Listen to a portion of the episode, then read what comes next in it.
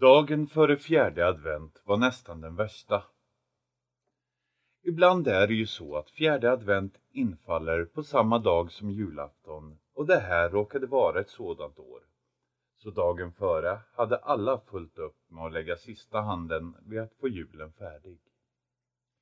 Mamma lagade mat och gjorde radiokaka samtidigt. Pappa tog hand om hästen istället lite extra och satte ut gröt till tomten. Syskonen sprang som yra höns på väg till och från de sista julbesöken och körsången i kyrkan. Och lillebror var på sitt rum upptagen med att slå in ett paket som han tänkte ge till mamma. Själv tänkte jag gå till mitt rum och plocka fram det paket jag gömt under sängen och lägga den till dem i den växande högen under granen. När jag passerade lillebrors rum och såg honom sitta där på golvet med tungan i mungipan och händerna upptagna med att få omslagspappret att ligga still medan han vekte rätt. Hej lillebror, behöver du hjälp? Han jag leende fråga innan dörren till hans rum plötsligt for igen med en redig smäll. Sekunden efteråt hörde jag lillebrors skräckslagna tjut och såg hur dörrhandtaget rycktes upp och ner flera gånger i följd. Han kunde inte komma ut.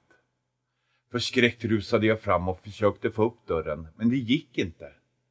Gå bort från dörren lillebror, ropade jag som trodde att det berodde på att han stod på andra sidan och drog i dörren från andra hållet. Så var det kanske också, för så fort han slutat försöka öppna dörren kunde jag utan problem trycka ner handtaget och öppna dörren åt honom. Lillebror rusade ut och kastade sig i min famn. Han var bara fyra år när det här hände och man måste förstå hur skrämmande allt det här var för en sådan liten pojke. Jag tyckte till och med att hans ansikte förändrats medan allt detta pågick. Han såg ut att ha åldrats och hans ögon var en gammal mans. Eller också inbillade jag mig bara för att jag själv var rädd och för att jag tyckte så synd om honom för att han tvingades uppleva allt detta. Jag försökte trösta, det gjorde jag faktiskt. Men det var inte lätt, för jag var ju heller inte så stor. Till slut avtog hans snyftningar äntligen. Men han kändes fortfarande väldigt spänd i kroppen. Du Sigrid? Ja, sa jag. Tror du att det var skrämmen som stängde in mig? Ja, kanske. Och tror du, tror du att han gjorde det för att han kan eller för att vi inte skulle vara i vägen för honom någon annanstans? Vet du lillebror, jag tänkte faktiskt precis samma sak, sa jag och ögonblicket efter ekade mammas skrik genom huset. Både jag och lillebror fick omedelbart fart på benen och rusade nerför trappan i en fullkomligt livsfarlig fart samtidigt som vi ropade på mamma och frågade var hon var. Vi hittade henne i salen där hon stod som förstenad och lamslagen stirrade på krubban. Och vi förstod snart varför. Alla änglarna hade tappat sina vingar och deras gyllene glorior var försvunna. Som om inte det räckte låg Jesusbarnet vänt upp och ner med sitt lilla ansikte nedtryckt i den lilla ljusblå kudde han brukade vila huvudet mot. Mamma var tyst nu och hon bara stirrade och stirrade. Jag kunde inte ordet då, men så här i efterhand har jag förstått att hon var nog chockad helt enkelt. Lillebror hade börjat gråta igen. Mamma, mamma, sa han och drog henne om och om igen i handen för att få hennes uppmärksamhet och till slut lyckades han. Hon vände sig mot honom och lyfte upp honom i famnen. Med lillebror tätt tryckt mot sig skyndade hon ut i köket för att lugna och trösta dem båda två. Kvar stod jag och betraktade den märkliga synen. Jaså, det var det här han hade ställt till med, skrämmen, medan lillebror och jag försökte öppna hans dörr, tänkte jag. Jag förstod att det nu ankom mig att få krubban i ordning igen. Ställa allt till rätta laga änglarna så gott det gick, vända Jesusbarnet rätt och se till att alla figurerna stod på sin rätta plats. Men jag ville inte. Jag hade en obehaglig känsla i maggropen som förvarnade mig om att det här var inte över. Jag gjorde ändå vad jag kunde. Änglarnas glorior var ju borta, men vingarna kunde jag fästa på nytt på deras ryggar och snart stod allt på sin plats igen. Utom Jesusbarnet. Jag kunde inte riktigt förmå mig att vända på figuren fast jag visste att jag måste. Jag ville inte ta tag i den fast jag älskat den lilla figuren så länge jag kunde minnas. På något sätt kändes det som att man aldrig så noga kunde veta vad man skulle mötas av när man vände på den. Men jag var tvungen, så jag stålsatte mig. Jag sträckte ut handen tre gånger innan jag kunde förmå mig att ta den lilla figuren i min hand. Och när jag kommit så långt fick jag blunda och andas djupt ett par gånger innan jag slutligen vände på den. Jag vet inte vad jag hade väntat mig egentligen, men inte var det den syn som nu mötte mig. Jesusbarnet, perfekta, fridfullt sovande lilla ansikte var helt förändrat. Ögonen var öppna och lyste ilsket blå och munnen kröktes av ett iskallt hånleende som tyckte säga Jag vet nog vad du har gjort. Skäms på dig. Jag blev hemskt rädd, det måste jag erkänna. Överraskad och jätterädd. Utan någon som helst försiktighet släppte jag ner figuren på sin bädd och skyndade ut till mamma och lillebror i köket där tryggheten fanns. Jag berättade aldrig för dem vad som hänt. Jag behövde deras lugn och ville inte att de skulle bli rädda igen. Därför berättade jag aldrig för någon om det. Jag behöll det för mig själv i många år efteråt.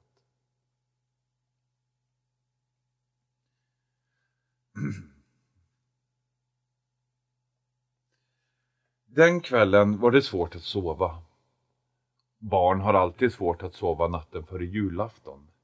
Men för mig var det svårt också på grund av det som hänt. Det var för mycket för mig helt enkelt. Jag var rädd också och låg länge och vred och vände på mig innan jag äntligen till slut somnade bara för att drömma en riktigt otäck mardröm.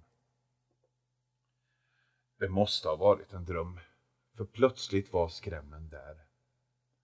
Han stod i det dunklaste hörnet i mitt rum, men jag såg honom ändå. En liten gubbe som såg stark ut. Hans elaka små ögon lyste ilsket blå fast det var mörkt och jag kände igen hans hånleende omedelbart. Plötsligt förstod jag. En insikt som på ett sätt satte punkt för min barndom. Ibland kunde det onda byta plats med det goda utan anledning alls. Så att man aldrig kunde veta om det var skrämmen eller Jesusbarnet man hade framför sig. Skrämmen nickade en gång och gjorde en gest åt mig att följa med honom. Och eftersom det var en dröm så gjorde jag det. Jag ville inte, men jag kunde inte styra handlingen i en dröm. Så jag reste mig upp och följde efter honom. Det var en hemsk stämning i hela huset när jag tyst, tyst tassade efter skrämmen ut ur rummet och nedför trappan. Jag försökte vakna, men det gick inte. Det gick verkligen inte. När jag passerade hallen nedanför trappan blev jag än en gång påmind om att det bara var en dröm. För tomtenissen på bonaden var borta. Det var bara själva ramen kvar av den bonad som först skrämt lillebror så till den milda grad. På ett sätt gjorde det saken lättare att bli påmind om att jag bara drömde. Men det gjorde också drömmen ännu lite otäckare. Och det gjorde den obehagliga stämningen värre det jag smög fram bakom skrämmen. Han ledde mig till salen slog ut med handen i en storslagen gest och gjorde mig uppmärksam på julkrubban med ett försmädligt leende. Där låg alla figurer huller om buller och änglarna hade förlorat sina vingar igen. Han ledde mig vidare till granen, svepte undan grenarna för att blotta revorna. Och när han gjorde det föll kulorna med små krasande ljud i golvet och hela granen höll på att välta omkull. Jag finns mitt ibland er när ni inte ser, sa han med en gäll märklig röst och jag blev så rädd att jag vände om och sprang raka vägen till mitt rum och gömde mig under täcket. Jag minns inte att jag vaknade, men det måste jag ha gjort. För sen låg jag där under täcket fullkomligt klarvaken och otroligt rädd. Sådana där drömmar kan vara riktigt otäcka. Ofta är det svårt att bli av med dem även efter att man har vaknat upp. Stämningen i dem hänger kvar och man spelar upp drömmen om och om igen inuti sitt huvud fast man inte ens vill. Så var det nu. Den spöklika stämningen och den ödesmättade känslan i drömmen dröjde sig kvar, vägrade att släppa sitt grepp om mig och jag darrade där jag låg under täcket och knep ihop ögonen hårt, hårt för att slippa se mera och kanske, kanske lyckas somna om. Och till slut gjorde jag det. Det finns tydligen en gräns för hur länge man kan vara vaken och rädd när man är en liten flicka. Så till slut somnade jag om. Och vad jag vet drömde jag inte mer den natten.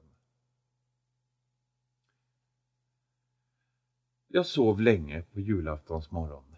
Mycket längre än jag brukade och absolut längre än vad jag själv hade trott när det nu faktiskt äntligen var julafton. Jag vaknade inte av mig själv heller utan väcktes av hur alla de andra i familjen stökade omkring. Nattens fasor var längre bort nu och överskuggades av den pirrande lyckokänsla som julafton innebär för en liten flicka som bara är tio år. Jag kom fortfarande ihåg mardrömmen, men det var ju faktiskt bara en mardröm. Kanske hade jag sådan tur att alltihopa bara var en dröm. Det var ju ändå julafton. Så jag klädde mig i en hast och rusade glad i hågen ner till det andra. Och faktiskt verkade min önskan slå in, så som önskningar bara blir hörda till jul överallt världen över. För när jag kom ner var allting precis som det skulle vara på julafton. Alla var glada och finklädda. Under granen låg högar av paket och det fanns inte längre några revor på stammen. Julkrubban såg ut som den alltid brukade göra. Det fanns inte längre någon flock med ulliga lamm, herdar eller vingbrutna änglar. Och bäst av allt, lillebrors ansikte strålade igen. Han såg ut precis som den lilla pojke han var. Den lättnad jag kände när jag insåg att alltihop bara var en riktigt otäck dröm liknar ingenting jag någonsin känt varken förr eller senare och det gjorde den dagen så minnesvärd. På eftermiddagen kom gästerna. Eller ja, några var gäster, men några andra var mina vuxna syskon och deras familjer och hörde hemma här hos oss. Mamma hade bjudit hem dem till klockan tre och högen med paket under granen växte för var gång någon av dem anlände. Klockan tre stod vi uppradade, nytvättade, nyborstade och finklädda i hallen för att välkomna de sista av gästerna som skulle tillbringa julaftonskvällen med oss. Och det var då min värld rasade samman. För det var då mina ögon för första gången den dagen föll på bonaden på hallväggen. Den saknade tomtenissen. Det var bara ramen kvar och den var tom. Så nu förstår du, avslutade gammelmoster Sigrid sitt långa brev, varför jag ända sedan dess inte tyckt så mycket om att fira jul. Vart den tomma bonaden tog vägen efter den där julen vet jag inte. Ingen sa någonsin något om det till mig. Jag började skrika förstår du, när jag fick syn på den. Jag skrek och skrek och det gick inte att få stopp på det. Någon plockade ner den. Efter det har jag aldrig sett den och ingen har pratat om den.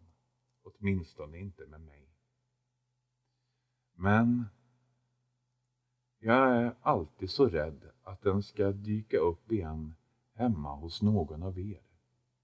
Att någon av er har ärvt den och att skrämmen har återtagit sin plats i ramen. För man vet aldrig när den dyker upp.